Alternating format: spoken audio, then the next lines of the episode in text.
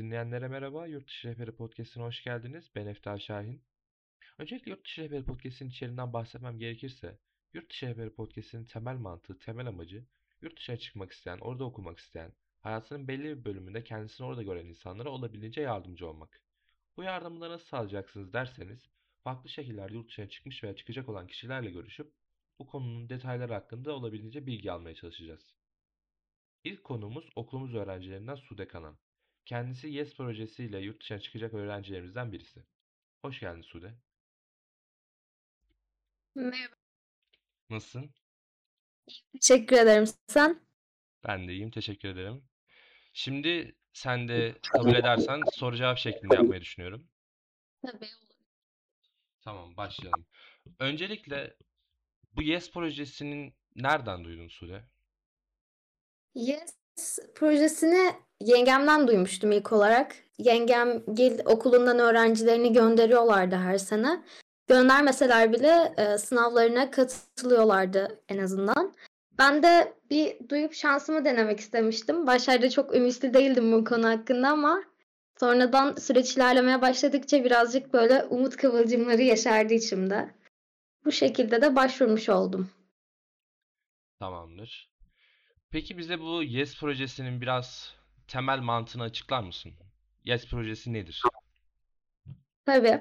Yes programı 11 Eylül e, saldırılarından sonra Amerika'da oluşan İslamfobiyi azaltmak, e, uluslararası etkileşimi sağlayarak farklı kültürlere yönelik ön yargıları kırmak amacıyla oluşturulan bir program ve ayrıca e, her yıl nüfusunun çoğunluğu Müslüman olan ülkelerden öğrenciler seçilerek bir yıllığına Amerika'da tam burslu olarak, tam burslu bir değişim öğrencisi olarak e, bir yılınızı geçirdiğiniz bir program.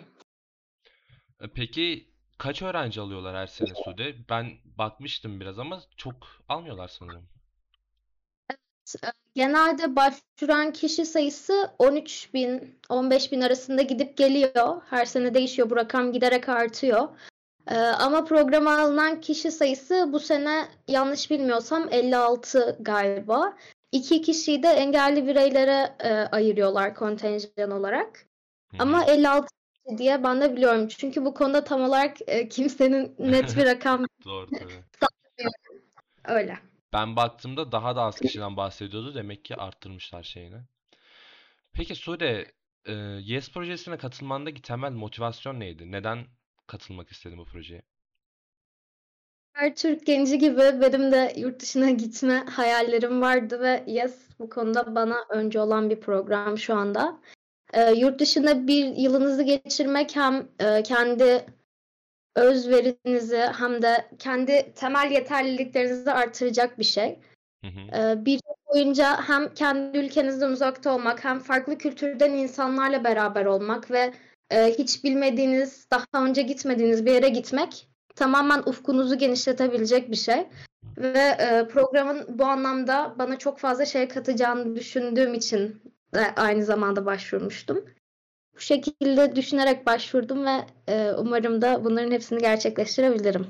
Anladım. Umarım gerçekleştirirsin. Sude sadece Amerika'da mı oluyor bu YES projesi yoksa farklı ülkelerde var mı içinde? Ee, AF yani Yes AFS'nin bir yan alt dalı. AFS birçok ülkeye öğrenci gönderiyor değişim programlarıyla beraber. Ancak Yes e, sadece Amerika ile sınırlı kalıyor. Hı hı. Host ailesi nerede bulunduğuna göre de kalacağınız eyalette değişebiliyor. Ha, onu da söylediğin iyi oldu Sude. Hostlarla beraber mi kalıyorsun? Yurtta mı kalıyorsun? Onu da açar mısın? Programda yurt seçeneği yok. Bir yıl boyunca bir host ailenin yanında konuk ediliyorsunuz. Hı hı. Ee, host ailenizin seçilme süresinde bayağı aşamalı bir program, bir süreç yani. Bu şekilde. Senin şu anda host ailen belli mi yoksa ileride mi belli olacak? Yok. Daha host ailem belli olmadı. Host ailemin belli olması için belli belgeler, evraklar doldurdum ve bunu Amerika'ya gönderdik. Ee, host ailem daha belli olmadı. Yakında belli olmasını ümit ediyorum. Genelde çoğu kişinin geçen sene gidenlerden de Nisan-Mayıs gibi belli olmuş. Tabii gitmeden önce de belli olanlar var Ağustos'ta falan. Veya gittikten sonra geçici bir ailede kalıp daha sonra host ailesi belli olanlar da var. süreç e, tamamen değişebiliyor. Yani kesin şu süreçte belli olur, şu tarihte belli olur gibi bir seçenek söz konusu değil ne yazık ki. Ama da bu sonuçta şekilde. seçildiğine göre elbette bir host aile bulunuyordur sana. Eğer host aileniz hala belli olmadıysa bile gittiğinizde sizi orada welcome family dedikleri bir geçici aileye yerleştiriyorlar ve daha sonra host aileniz belli olunca da tekrardan o welcome family'den host ailenize geçiş yapabiliyorsunuz. Hmm, anladım. Şimdi Sude, bu konu tabii ki herkes için değişken bir şey ama bildiğin gibi Türkiye'de 12'den sonra, 12. sınıftan sonra herkes üniversite sınavına hazırlanıyor. Sen de şu an hı. 10. sınıf öğrencisisin Sude. Seneye 11'i Amerika'da okuyacaksın. Peki 11'den sonra nasıl olacak Sude? 12'de geri mi Türkiye'ye dönüyorsun yoksa orada farklı avantajlar açılıyor mu sana? Bunun değişkenleri nelerdir mesela? Şöyle bir şansım var.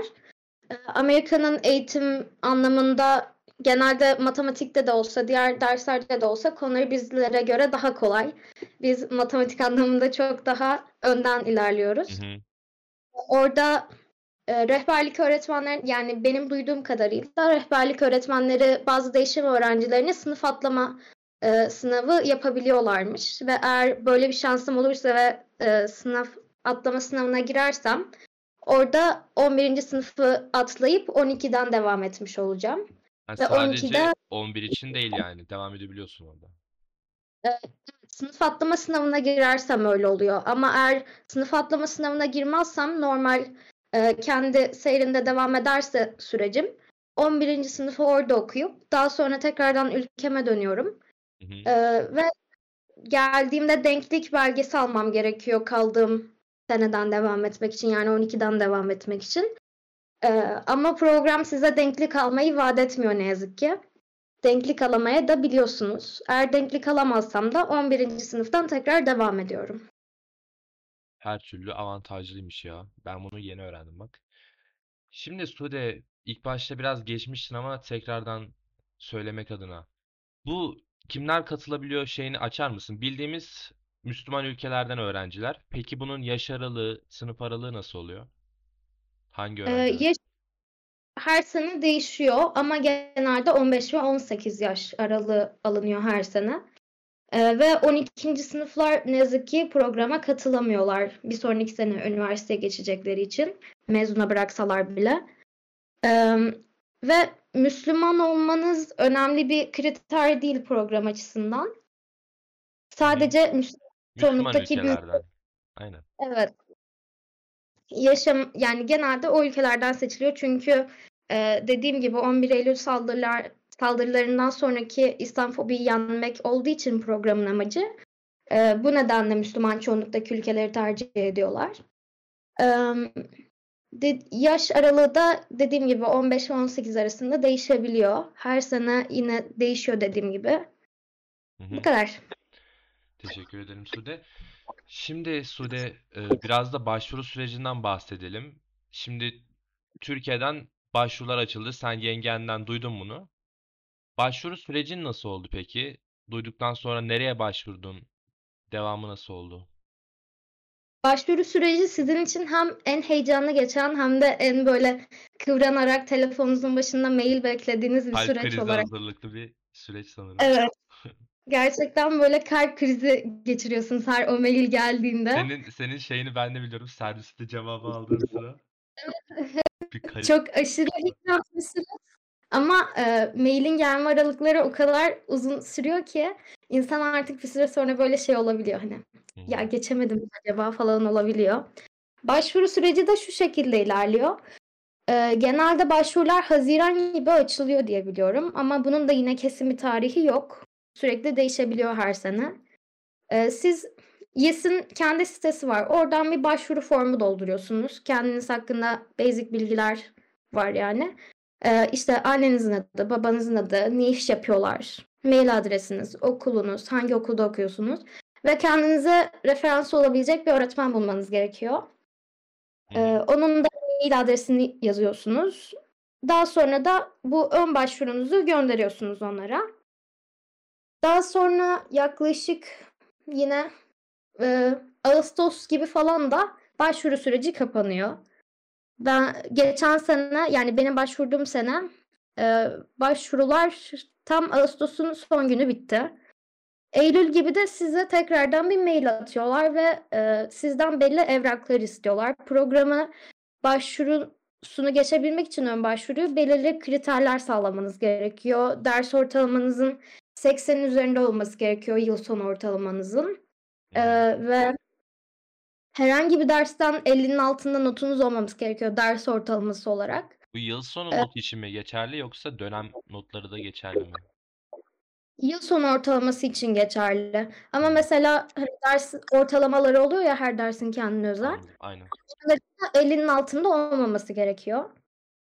Hı hı. Ee, daha sonra ailenizin aylık gelirinin 12 bin liranın da altında olması gerekiyor. Ee, herhangi bir ailenizden herhangi bir üyenin de Amerika vatandaşlığına başvurmamış veya Amerika vatandaşlığı bulunmaması gerekiyor. Ee, bu gibi sizden belirli evraklar istiyorlar ve tekrar gönderiyorsunuz bu belgeleri onlara. Daha sonra tekrardan yine aradan bir 2-3 hafta geçiyor ve size mail Epey atıyorlar. epey uzun bir süreç sanırım bu şey. Bayağı sürüyor. Bayağı uzun sürüyor. Size tekrardan bir mail atıyorlar. Ee, tebrikler, ön başvuruyu geçtiniz vesaire gibi. Sonra genel kültür sınavı var. Genel kültür ve yeterlilik testi. Genel kültür beni en çok korkutan şeylerden biriydi. Çünkü tam olarak ne çıkabileceğini bilmiyordum. Hani e, aşırı uç genel kültür soruları da olabiliyor. Veya çok Ne basic gibi sorular vardı mesela Sude? Genel olarak sınav, Amerika tarihiyle ilgili mi? Amerika kültürüyle ilgili şeyler mi? sınav içeriğinden tam olarak bahsedemiyorum. Soruları Ha, tüh yapamadım. söyleyemiyorum. Evet. Ama e, gözünüzü korkutacak herhangi bir şey olmadığını söyleyebilirim. Çünkü ya, genel olarak şunları söyleyebilirim ki gündemi takip ediyorsanız, belirli aralıklarla Twitter'a giren biriyseniz ta- Hı hı. kolaylıkla yapabileceğiniz şeylerdi. E, yeterlilik testi de tam olarak kişiliğinizi ölçtükleri, çok da zor olmayan sorular oldukları, sizin belirli olaylar karşısında nasıl tepki verdiğinizi ölçen bir testti. Daha sonra e, bu sınavı tamamladıktan sonra da size tekrardan bir mail atıyorlar yaklaşık bir ay sonra. E, Baya gerçekten çok kötü bir süreç ama aşırı heyecanlı bir süreç. Tatlı bir heyecanı var yani. Size tekrardan bir mail atıyorlar. Diyorlar ki tebrikler geçtiniz falan. Ve bu süreçte hep değerli aday adayımızsınız. Daha sonrasından değerli öğrencimize dönüyor. O öğrenci şimdi görmek bayağı mutlu ediyor insanı. Genel kültür ve yeterlilik testinden sonra İngilizce sınavına giriyorsunuz. İngilizce sınavım gerçekten tam bir kabustu. Ee, yanlışlıkla okulda girdim sınava. Saatinden birkaç Aa, saat önce biliyorum saatinden. Evet, çok kötüydü. Gerçekten sınav bitirdikten sonra oturdum ve ağlamaya başladım. Ee. İngilizce sınavda A2 B1 seviyesinde birinin kolaylıkla yapabileceği şeylerdi. Ben hazırlık okuduğum için yani tam olarak hazırlıkta gördüğümüz her şeyi sormuşlardı. Ve zor olan bir şey yoktu. Birkaç tane zor gramer sorusu vardı. Ama onun dışında okuduğunu anlayan biri için kolaylıkla yapılabilecek sorulardı diyebilirim. Anladım. Bunun Evet. devamında bir de şey oluyordu sanırım. Mülakat var değil mi? Evet, şimdi de mülakata geliyorum. Hı. İngilizce sınavında eğer geçtiyseniz tekrardan yaklaşık bir ay sonra bir mail. Tebrikler geçtiniz. Ve mülakat günü gerçekten aşırı eğlenceli bir gündü. Mükemmel bir gündü diyebilirim yani. Ve ortamdaki herkes çok nezih. Herkes böyle belirli bir amaç için toplanmış. Güzel bir ortam oluyor ve e, ben ilk gittiğimde böyle hafif rekabetçi bir ortam olacağını düşünüyordum ama hiç öyle bir ortam yoktu. Sude araya Mülakat giriyorum özür dilerim. Bu mülakat nerede oluyor? Olduğun şehirde mi yoksa belirli yerleri mi var? belirli yerleri var. Mülakat için dört tane şehir var. Ama bu sene Adana'da yoktu galiba. E, çünkü grup kurmuştuk biz. Orada herkes İstanbul, Ankara ve İzmir'dandı. Adana hiç duymadım yani. E, işte üç şehir diyelim biz. İzmir, Ankara ve Adana. Mülakata girmeden önce size bir anket gönderiyorlar ve e, hangi yerde girmek istediğinizi soruyorlar. Daha sonra E, siz seçiyorsunuz Ankara işte İzmir nereye yakınsanız artık. Ben Ankara'yı seçtim. Ve size birkaç gün sonra tekrardan mail atıyorlar. Sınav yeri belirleniyor. İşte şu şurada gireceksiniz mülakatta vesaire gibi. Ee, bu şekilde sınav yeriniz belirleniyor. Daha sonra sınav günü sabah 9.30'da e, mülakat başlıyor. Grup mülakatları ve bireysel mülakat olmak üzere de ikiye ayrılıyor mülakatlar. Grup mülakatları yine tam olarak içeriğinden bahsedemiyorum ama genel olarak eğlendiğiniz, güzel kaliteli vakit geçirdiniz.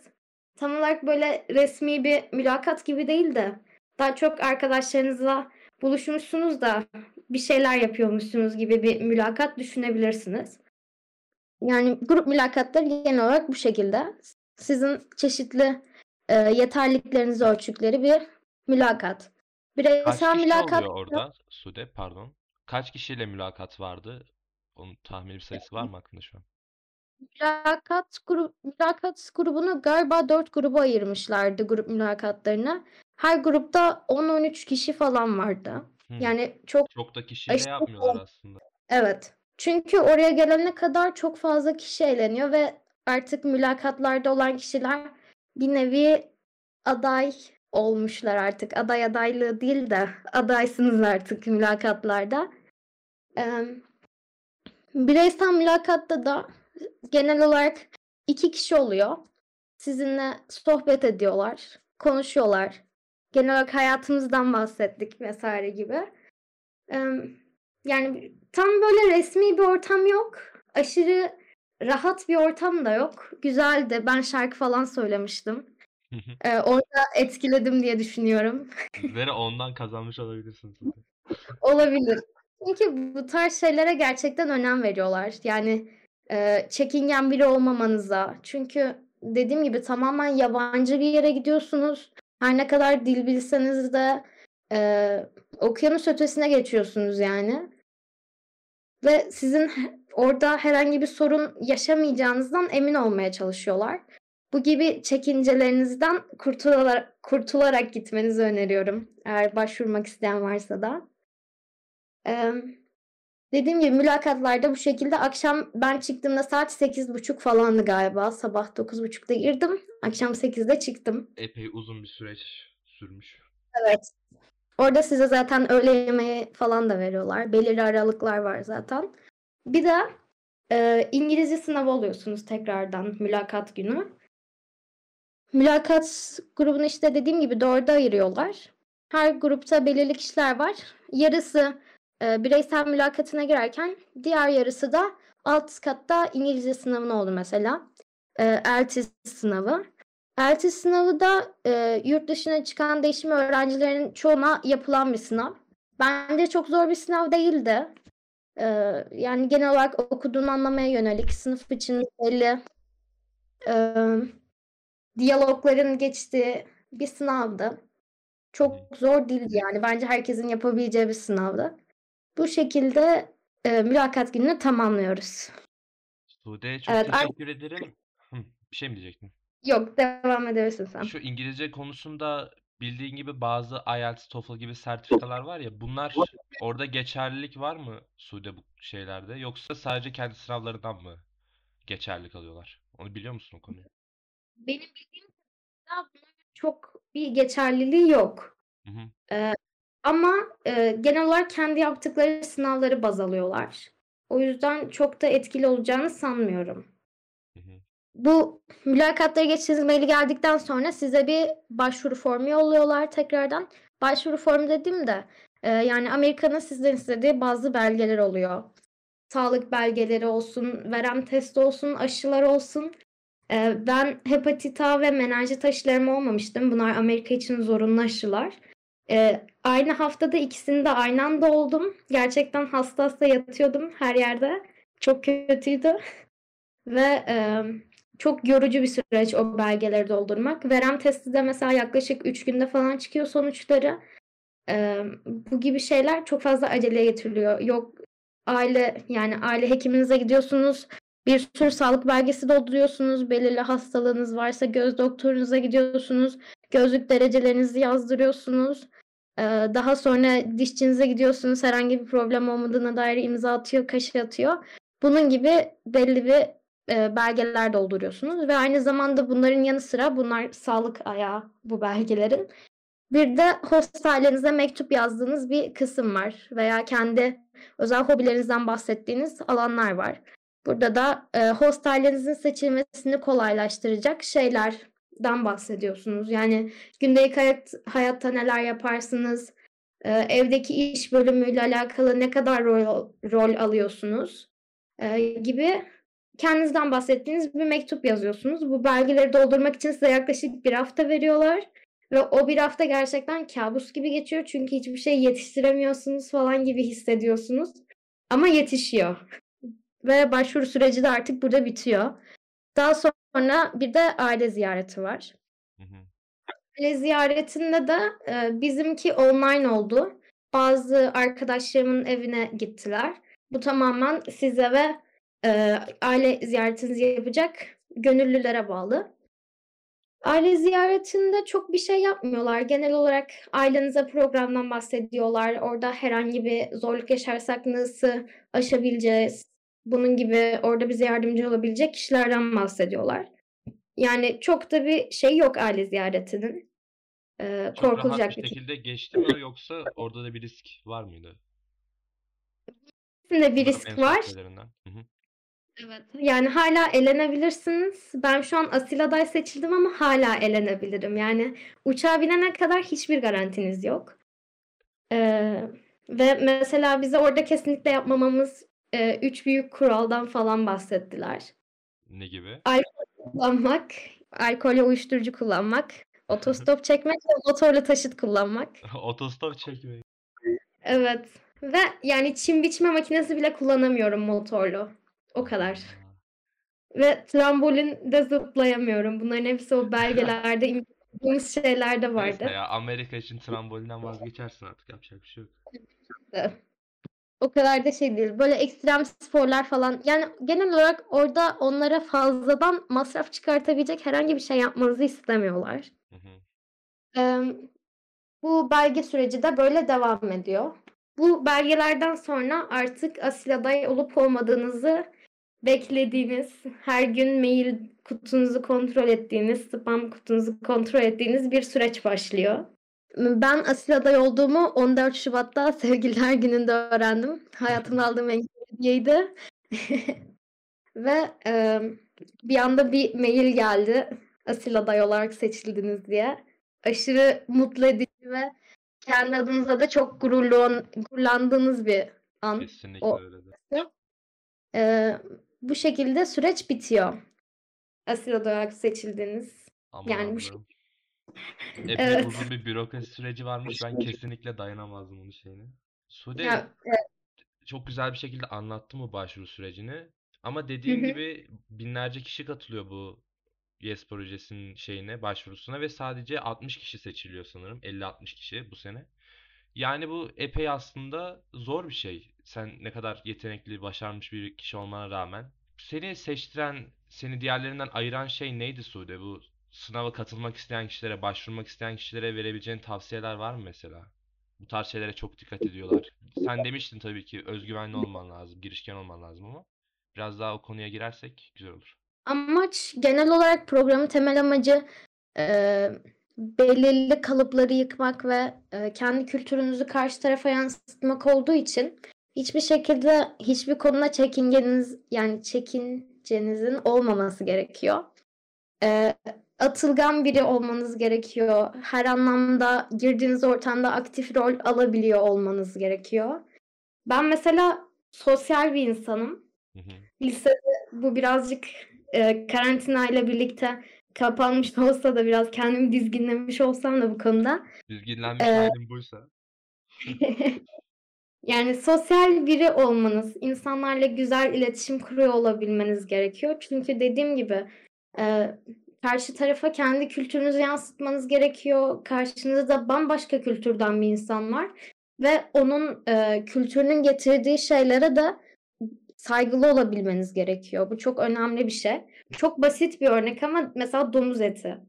Eee, bu aşırı basit bir örnek ama mesela bana, eee, sormuşlardı, hani, domuz eti, yani, masada yense mesela nasıl bir tepki verirsin? Buna verebileceğiniz bir tepki yok, anladınız mı? Çünkü onların normali bu. Yani Evet. oraya gidip de onların şeyine karışacak hâli yok insanın, değil mi? Ama mesela, hani, buna tepki verebilecek insanlar var mesela. Eee, yani, bu gibi şeylerden arınmış olmanız gerekiyor. Belli kalıplarınızı yıkmanış yıkmanız gerekiyor. Eee, genel olarak sosyal, pozitif, eee, insanlarla iyi iletişim kurabilen kişi olduğunuz sürece öbür kişilerden sıyrılıp öne çıkabiliyorsunuz bu programda. Bu şekilde diyebilirim yani. Beni öne çıkartan şeylerin de bunlar olduğunu düşünüyorum. Yani ben kendi adıma en azından. Yani eğer seni baz alacak olursak sanırım katılmanın en önemli şeylerinden birisi olabildiğince pozitif olmak. Çünkü her insan kendine ben şöyleyim, ben böyleyim diyor ama insanlar o kişiyi tanımadığı için onlara göstermen gerekiyor nasıl bir kişi olduğunu. Sanırım sen de güzel bir şekilde açıkladın insanlara. Sude sorularımız bu kadardı ama demek istediğin, benim söylemeyi unuttuğum bir şeyler varsa söylemek istersen söyleyebilirsin. Genel olarak, eee, ben herkesin başvurmasını çok isterim. Çünkü, eee, bahsettiğim gibi çok eğlen yani ne kadar yorucu bir süreç olsa da kendinize çok fazla şey katabiliyorsunuz. Ya, en basitinden mesela belge taratıp göndermeyi hayatımda daha önce hiç yapmamıştım ve bunu öğrendim mesela ve Ufak gibi pro görünen şeyler bile işte Evet, işin size çok girdiğinde şey oluyor. Evet. Bu gibi şeyler program boyunca, bu başvuru süreci boyunca sürekli tekrarlanıyor. Ya, ben, eee, aile hekiminin kapısında yattım resmen belgelerimi imzalasın diye. Eee, mesela, işte, belirli aşılarım vardı, çocukken kayda geçilmemiş vs. falan. Eee, il eee, sağlık müdürlüğüne gittim. Ben hayatımda hiç il sağlık müdürlüğünün kapısının önünden geçmemiştim yani. Eee, bu gibi basit şeyler size, eee, korkutucu görünüyor olabilir ama gerçekten çok fazla şey katıyor program sürecinde. O yüzden, eee, ben herkesin başvurmasını çok isterim. Eee, umarım da bilgi verme açısından yararlı olabilmişimdir. Kesinlikle yararlı oldu Sude. Çok teşekkür ederim. O zaman çok teşekkür ediyoruz tekrardan. Yurtdışı Rehberi podcast'imizin ilk bölümünde Sude Kanan'la birlikteydik. Kendisi bize YES projesinin detaylarından uzun bir şekilde, güzel bir şekilde bahsetti. Ee, dinlediğiniz için teşekkürler. Görüşmek üzere. Esenle kalın.